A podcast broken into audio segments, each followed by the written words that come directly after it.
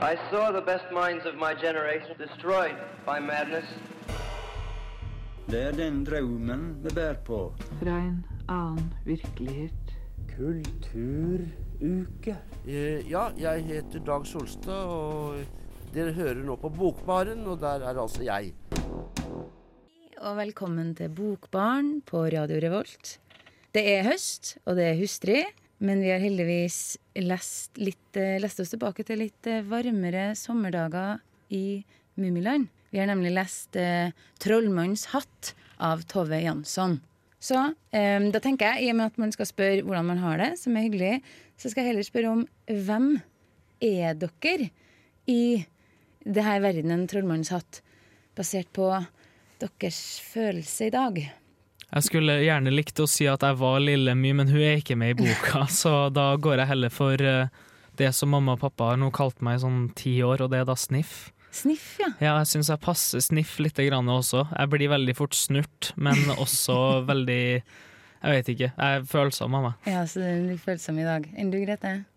Ja, eh, umiddelbart kanskje litt sånn Mummipappa. Vært inne og låst meg inn på rommet og skrevet. Men det ene har ført til det andre, og så blir man jo litt nevrotisk av skrivinga også. Så. Ja, så du litt. mummipappa. Jeg er uten tvil eh, bisramrotta. Bisramrotta. Bisumrotta. Bisumrotta. Eh, som eh, bare har lyst til å komme seg unna alle sammen sitt eh, prat og fjas og irriterende greier, og lyst til å lukke seg inn og legge seg i et pledd og lese en bok. Du er litt sånn god gammeldags nihilist, med andre ord. Eh, ja, kanskje litt det akkurat nå. Så da, eh, når vi i hvert fall vet hvem vi er før vi tar videre, så skal vi høre ei låt av Boy Pablo, 'Feelings Lonely'. Velkommen tilbake til Bokbarn. Eh, vi har jo da Tove Jansson på eh, skjemaet. Um, hva er deres forhold til Tove Jansson? Jeg er nå oppvokst med Tove Jansson, i hvert fall.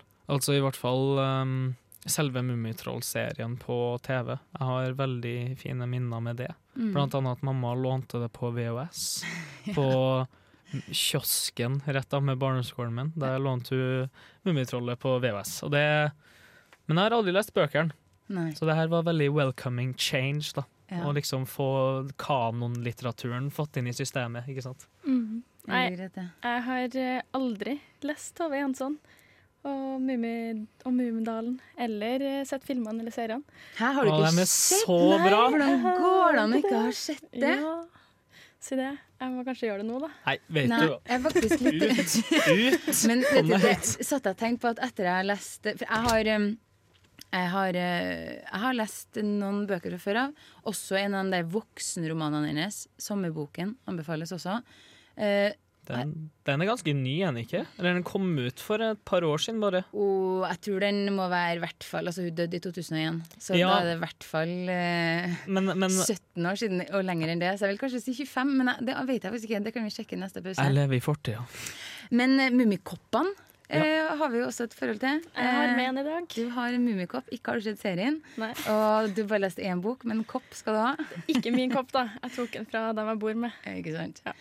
Um, nei, og jeg har jo også da lest um, en biografi av Tove Jansson, for jeg er jo såpass glad i hun uh, Av Tula Karjalainen, som Ja. anbefales. Den er, finsk ut. ja. For akkurat det. Tove Jansson var jo finsk, eller finlandsk-svensk. Mm. Svensk mor, finsk far. Kunstnere begge to. Eh, født i 1914. Eh, og var opprinnelig veldig interessert i Eller er også da kunstmaler og illustratør. Og det er også hun som har eh, tegna alle de her mummi... Eh, mummifigurene som vi kjenner til, da. Eh, så det er egentlig det som starta det altså Hun hadde vel opprinnelig ikke tenkt å skrive skrive i det hele tatt, og i hvert fall ikke bøker om Mummitrollene. Jeg har lest at de mummifigurene var egentlig bare en sånn signatur hun brukte i brev, og så som utvikla seg etter hvert, da.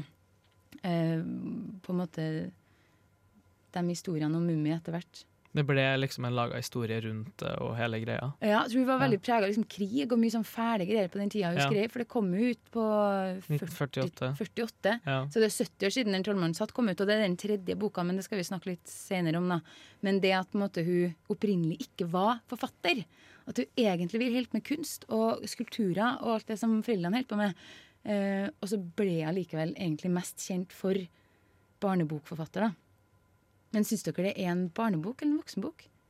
Sånn rask, dere Nei, det, uh, det er et veldig godt spørsmål. Det kommer vi jo kanskje tilbake til. Ja. ikke? Jo. For det er liksom Både den, de tegningene og, og historiene og, og måten å skrive på er jo eh, noe som krever mye å snakke om, da. Mm. Enda mer igjen. Jeg vil bare føye til eh, at, eh, at mitt forhold til mummikopper og slik er det at jeg gir bare blod for å få mummikopper. Men nå kan jeg ikke gi blod lenger, så jeg får ikke den jævla mummikoppen min. Og jeg lurer på, Hvor mange mummikopper er det egentlig greit å ha? Jeg syns jeg har to. Jeg har Sniff, mitt alter ego, og så har jeg Lille My, som er mitt russenavn. Så det er liksom perfekt. Det er to stykker. Så det er to det beste. Hvor mange er det? Jeg tror Og det er over 20. mange. Over det er 20. mange, og det finnes noen til og med som er sånn så sjelden at du faktisk kan selge dem for Oh, yes. veldig veldig mye dyrere enn å kjøpe dem. Herregud. Jeg er fire.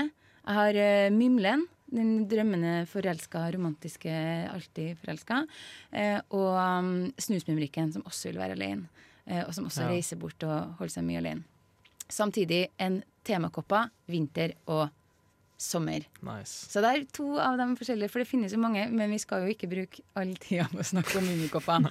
Vi skal kanskje høre en la låt nå. Ja. Hva skal vi høre, da? Da skal vi høre Skar av Mio. Nei, motsatt. Mio av Skar. Og bokbarn. På Bokbaren Radio Revolt. Jeg heter Erlend Nøttet, og du hører på Studentradioen i Trondheim. Da er vi tilbake igjen til Bokbarn og Tove Jansson. Og ikke minst Trollmannens hatt, som eh, kom ut i 1948. 70 år siden. Og ja, 70-årsjubileum. 70-årsjubileum. Em, så vi- jeg snakka jo litt, sånn, litt om det der at hun opprinnelig egentlig tegna og mala. Og hun begynte vel Det er jo, det er jo Hun har jo Det så står jo også blant annet i denne biografien at hun begynte å skrive noen sånne små eventyr bare for å komme seg unna den her verdenen eh, som hun levde i da, som, var, som vi også snakka om under vinterkrigen.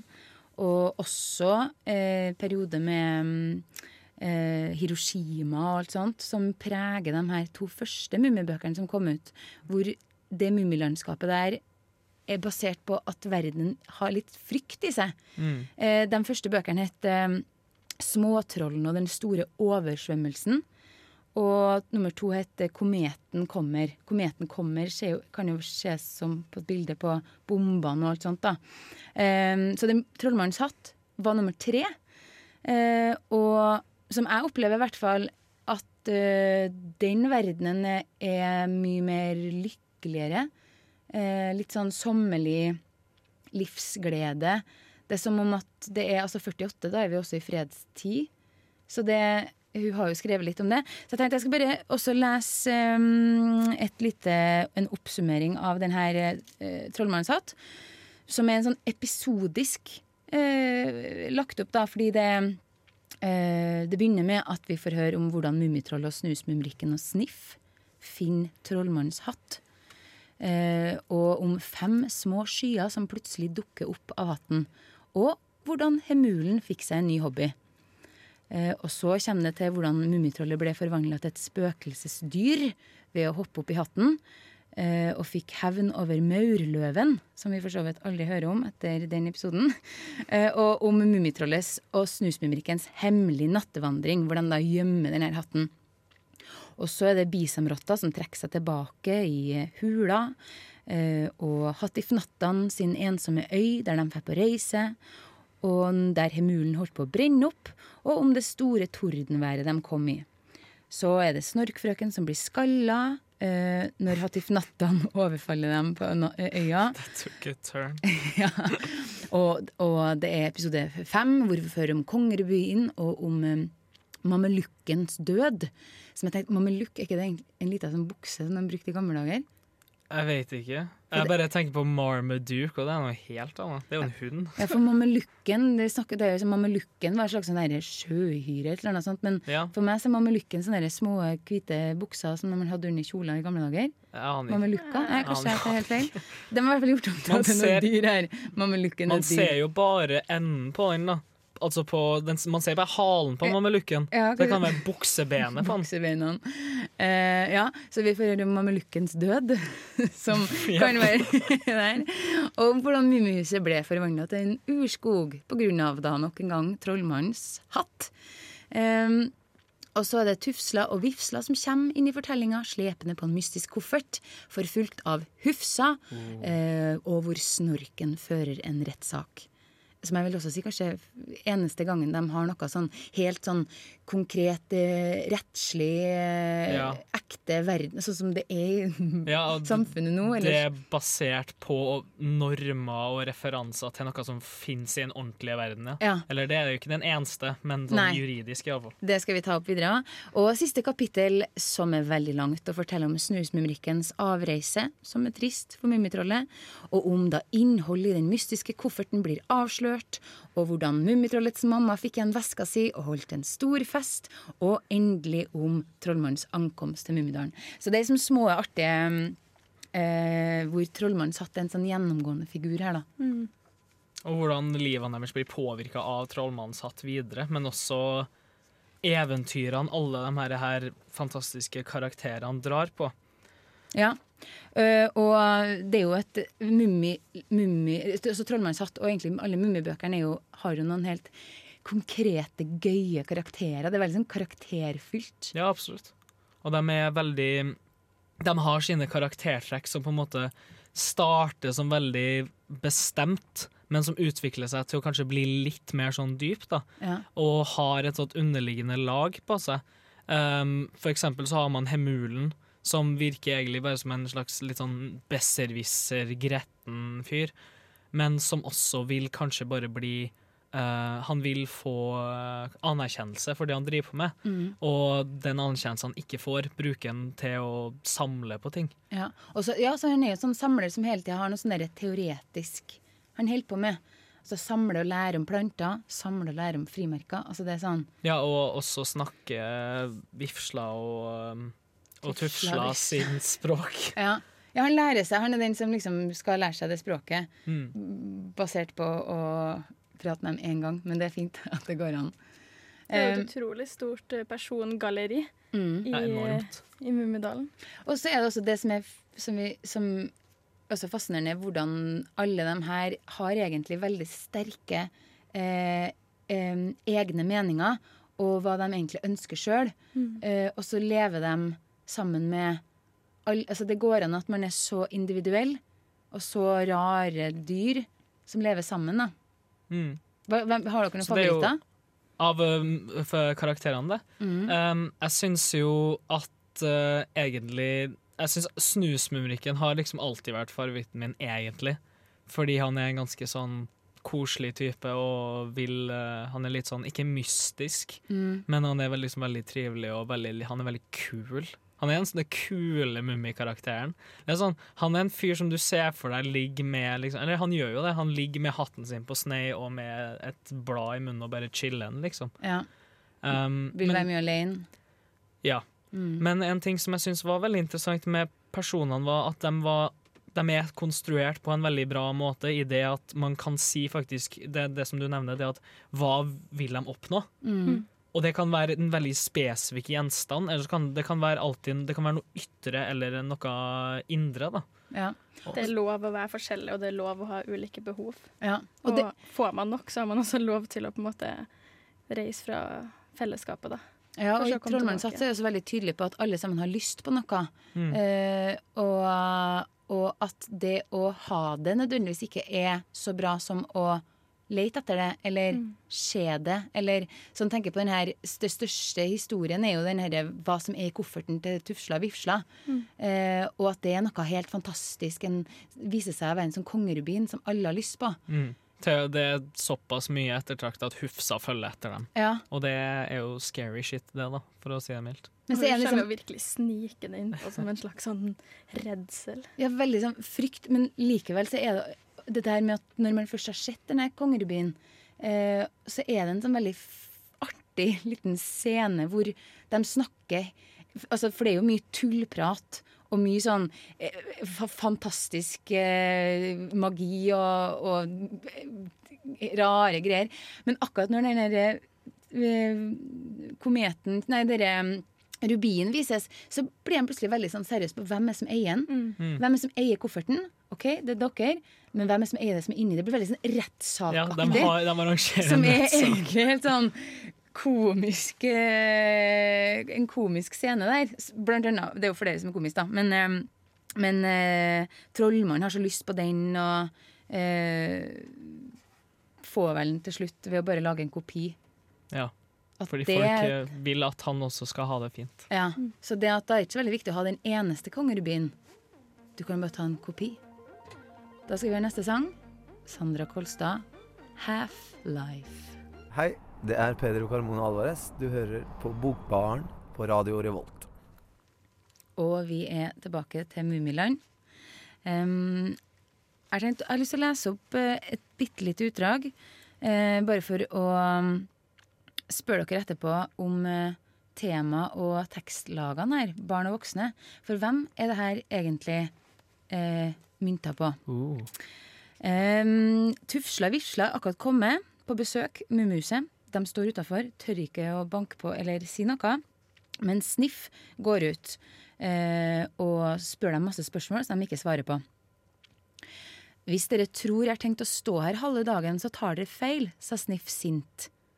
Men da ble Vifsla lei seg på alvor og sa Rotsle kan du være, selvsle. Og hun har sagt at de er en rotte, da. Jaså, det er utlendinger attpåtil, sa Sniff. Det er nok best jeg går og henter Mummitrollets mamma. Han låste kjellerdøren og løp inn på kjøkkenet. Nå ville de ha melk, spurte Mummimamma. De snakker utenlandsk, sa Sniff. Det er umulig å forstå hva de sier. Hvordan hørtes de ut? spurte Mummitrollet, som satt og støtte kardemomme sammen med hemulen. Rotsle kan det være selvsle, sa Sniff. Sa Sniff. Mummimamma sukket. Nå blir det månelyst, sa hun. Hvordan skal jeg nå kunne forstå hva de vil ha til dessert på fødselsdagen sin, og hvor mange puter de vil ha under hodet? Vi får se og lære oss språket deres, sa Mummitrollet. Det virker lett. Åtsle, atsle, utsle. Jeg tror jeg forstår det, sa hemulen ettertenksom. De sa nok til Sniff at han var en gammel, skallet rotte. Var ikke det her litt fascinerende? Jo, det var det. Og det er liksom litt sånn Det blir jo nevnt tidligere i boka også, det det er jo en ganske stor variasjon av karakterer som kommer inn og ut av det mummihuset. Og Mm. de er jo masse forskjellige dyr. Så det er veldig klart og tydelig hvorfor det der, der da har blitt med i boka. Mm. Fordi det tar jo opp et tema som Jansson tydeligvis er veldig interessert i. Og det er akkurat det der med hvordan du da velger å være eh, velkomne overfor nye, da. Og nye språk og slikt. For hva er problemet her? At de ikke kan språket til hverandre? Jo, Mummimamma vet ikke hvordan hun skal glede dem. det er jo veldig fint. Ja, det er veldig fint. Og, men det er også den variasjonen i det at Vifsla og Tufsla, om det er det jeg heter, jeg glemmer det hver gang. Tufsla, Eh, vifsla. Ja, samme. Um, de blir jo, sjøl om Sniff er litt mer snurt over at de er der, så er jo Mummimamma veldig velkomne. Eh, Og de er jo veldig små, ganske uskyldige dyr. Men når Hufsa, som er hakk i hæl på dem, kommer etter dem, da er det helt annen regle. Da er hun en skummel karakter.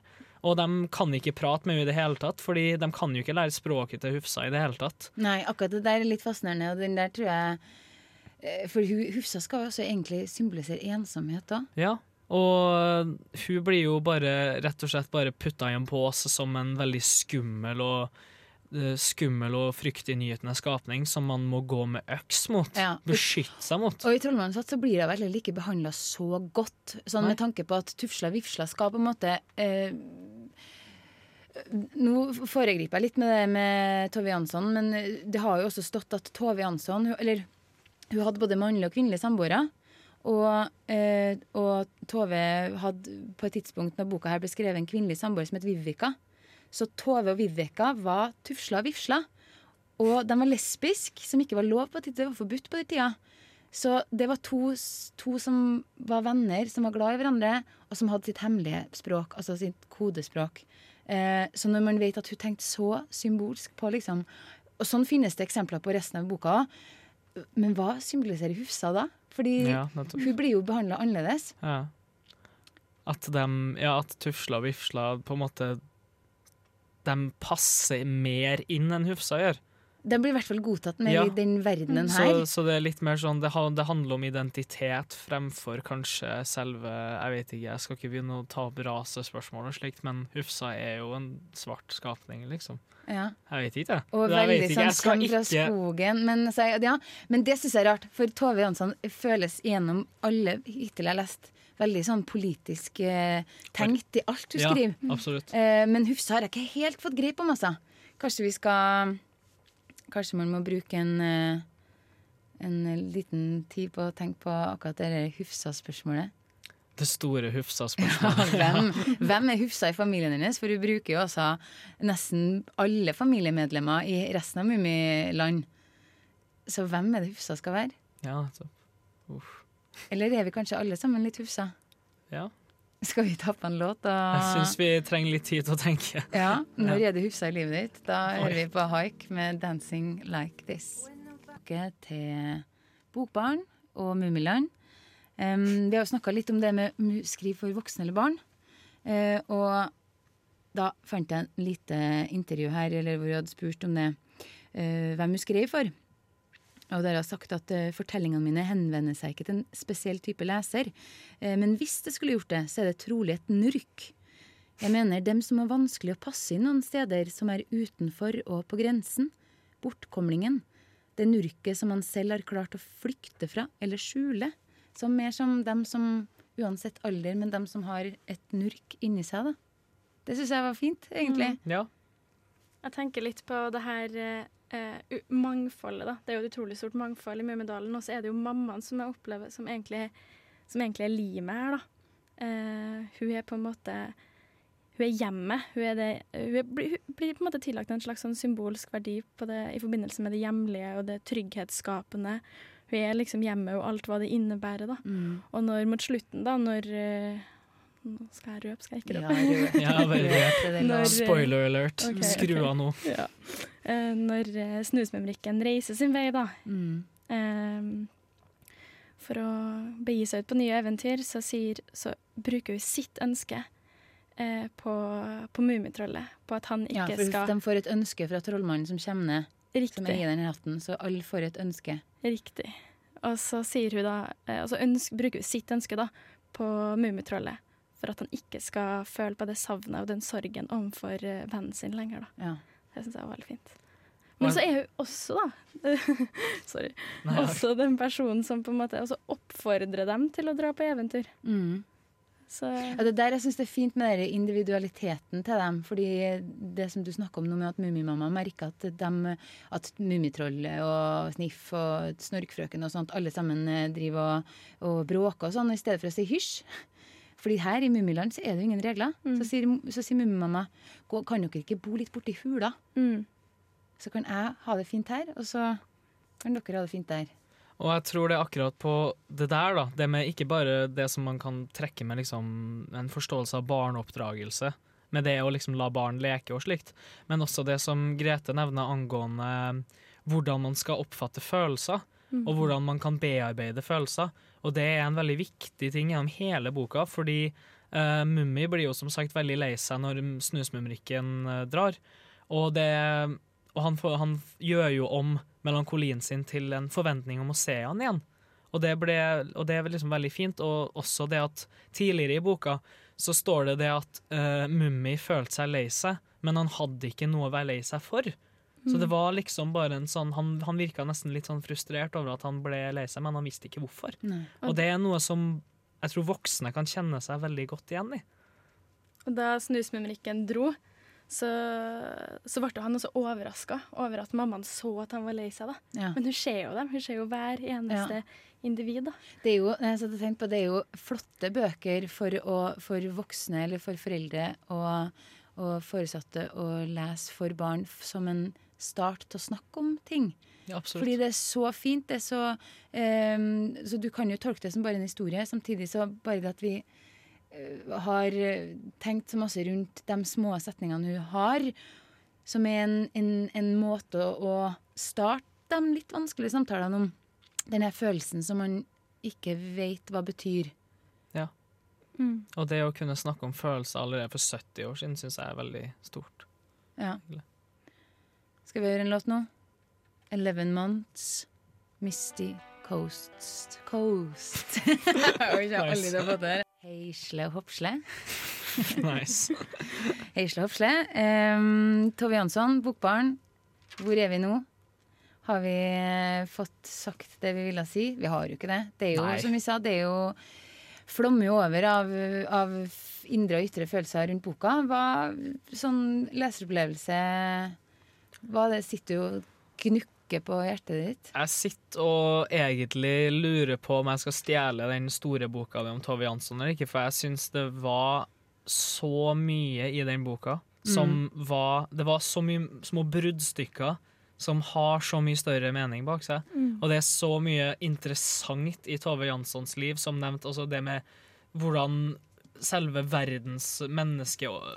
Um, faen, hva heter det? Entusiasme og oppfattelse av verden rundt etter Veldig 1945. samfunnsengasjert. Ja, hun er Ja. veldig samfunnsengasjert. Og det, det kan jeg jo bare si sånn raskt, da, at den eh, er jo For du får ikke se den.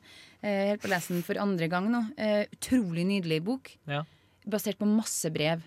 Så det er ikke en sånn derre vi har gravd og gruksla inn i livet hennes. Det er åpent for at hun har delt det. Jeg vil også legge til at det er en fantastisk kreativ bok. Den, har en veldig, den er veldig leken i språket sitt, og det er en veldig nydelig eh, flyt i språket hennes. Det er veldig sånn Det virker som at hun ikke prøver engang. Det er bare Det trollbinder deg fra første side. Jeg tenker litt på at jeg føler på en måte at hun er veldig flink til å liksom følge sine litterære impulser. da. Og man vet på en måte aldri hvor, hvilken vei fortellinga kommer til å ta. da. Man blir stadig vekk overraska. Mm. Eh, det er tydelig at hun ikke har tenkt en sånn genial plott.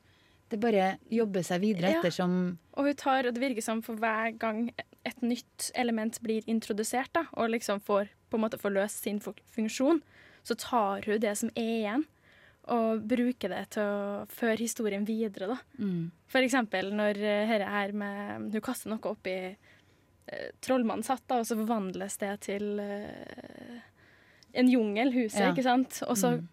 Visner disse herre, kvist, nei, trærne, og så bruker vi kvistene til å tenne Til svært peisen, bål, liksom. Ja. Ja. Til den senere festen. Ja. Mm. Ja, ja. Nei, altså det er nettopp det. Det er så sømløs struktur, og det er veldig rar ting å si, fordi når, når jeg tenkte på det, det at det er jo ikke egentlig noe sånn særlig flyt, tenker man i utgangspunktet, fordi det er delt opp i episoder. Mm. som Og korte kapittel, og egentlig. Ja, 20 korte sider hver, og de har ikke egentlig tilsynelatende noe til felles. Men det er noen sånn små hint der av veldig, veldig sånn uh, Det er veldig varsomt konstruert. Mm. Og trollmannshatt er jo en sånn element som går gjennom alle i større og mindre grad, så det er jo ikke en sånn avsluttende kapittel. Du må lese den fra start til slutt for å forstå det, på en måte, men samtidig så er det noen hendelser som er Um, som bare starter og slutter i den enkelte episoden. da. Og det påvirker alles liv òg. Gjør Ja. det. For hvert kapittel. Og så blir det det fascinerende å lese Mummibøkene etter å også lest eh, Man kunne ha stått dritlenge for å snakke om alt som hun har tenkt på rundt det. Og jeg syns at det gir leseropplevelsen mye, både å ha lese biografien før eller etter. Det er egentlig det samme. Mm. Det er utrolig godt å ha en sånn sekundærlitteratur nesten rundt det, fordi det er så givende. Jeg satt, og, jeg satt og leste den, og så havna jeg litt inn i det her barnemoduset, hvor du liksom har teppet rundt deg og en mamma eller pappa som sitter og leser for deg. Så jeg ble så opp, Bismumrotta. ja. Jeg tror alle sammen har litt av bismumrotte Og så ble jeg litt sånn opphengt i den her Jeg, jeg leste den litt egentlig først på sånn konkrete planet, da. Ja. Og så skulle jeg til å lese den på nytt. Men så Og det som jeg så tenkte på, det er jo noen egenskaper som er på en måte veldig egoistisk, og noen som er veldig eh, fellesskapsfølelsepersoner. Eh, og alle har altså Det er litt sånn som Hvem er du, friends? Jo, jeg er litt av alle. Sånn er det jo egentlig her òg. Bare at alle blir liksom kjæla med, med, med en kjærlig hånd. da. At, at man kan si sånn Ja, du er sniff fordi du er så eh, sur og så, så bestemt. Men så er det litt sånn det er koselig at du sniffer, fordi vi har jo alle noe sniff i oss. Det, Mm. Det er helt du kan bruke det som en slags sånn adjektiv. At nå er du litt lille my. Eller altså det Ja. At alle blir akseptert, da. Mm. Nettopp. Så skal vi Skulle vi ha besøk? Det skal vi. vi skal Vi får en mystisk får en eh, gjest. gjest. Er det Hufsa? Det er faktisk Hufsa. Men er det bitte litt av låt først? Det er det. Ja, for det er låtene, vet du. Altså, da kommer det en låt, sant? Det kommer jo på Og hva meg heter den eh, andre? Den heter for Du av Drotten. Velkommen til Bokbarn og Mummiland. Det var ikke Hufsa vi fikk besøk av, men vi ønsker heller å si det velkommen på sånn hufsla-vifsla-måte. Eh, hyggelig og nysgjerrig. Varsle, vil du fortelle oss? Ja, jeg tar det på solunge. Jeg, Ja, kan, ja, ja, uh, jeg, jeg, kanskje stemmen min er jo ikke helt ukjent for folk som har hørt på Bokbaren før. Mitt navn er jo Siri, jeg har jo brukt å være med i Bokbaren, men nå har jeg på en måte pensjonert meg for å gi roret videre da, til, til Truls og, og Grete og Andrea. Eh, men jeg er med i Litterært kollektiv, eh, som er en frivillig organisasjon med, med base her i Trondheim, da, som jobber med, med litteratur og kultur, eh, som på arrangørsida. Og i morgen så slipper vi eh, et bokalbum på Good Omens. Kult. Det er ganske tøft, ja. Her, her tenker du et bokalbum er for noe. Åh, bokalbum? Jeg tenker sånn innlesninger eller noe sånt. jeg. Jeg vet ikke. Ja. Hva kan det være? for noe, Med som er musikk til tekst, men ikke en sang?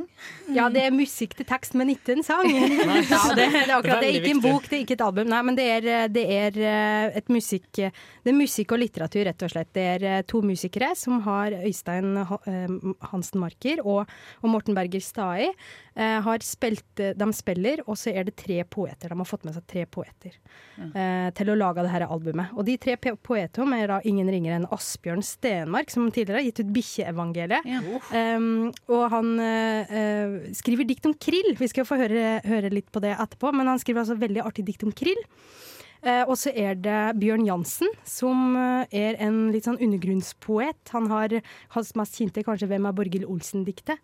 Um, og så er det Margrethe eh, Aas, som har gitt ut to diktsamlinger tidligere. Hun er arkitekt og skriver veldig mye med sånn romlig utgangspunkt. Da. Så det blir en framføring til hele den skiva på Guddommens halv ni i morgen kveld. Ja. Er det liksom starten på det ugressfestivalen? Nei, det er Nei. ikke starten på det. det dette er eh, bare litterært kollektiv som slipper bokalbum. Men uh, Ugressfestivalen er jo neste uke så det, det er jo ikke, de tingene oppstår jo ikke uavhengig av hverandre. Ja. Nå kjenner sangen til meg. vet du. Jeg er, nå er det en ny sang, sant? Men da må vi si eh, takk og Vi farvel. takk. Da vil jeg gå inn på google eh, litterært eh, kollektiv og ugress og Good Omens. Jeg skal prøve å være der i hvert fall. Les Tove Jansson. Og les Tove Jansson. Men eh, bruk alt det Trondheim har å by på av gøy og litteratur som ikke bare er radio og sitte alene. Bøker skal også deles ut til folket. Enig. Så Good Omens i morgen klokka ni. Ja, halv ni. Halv ni. Halv ni. Nice. Da kan du spille musikk.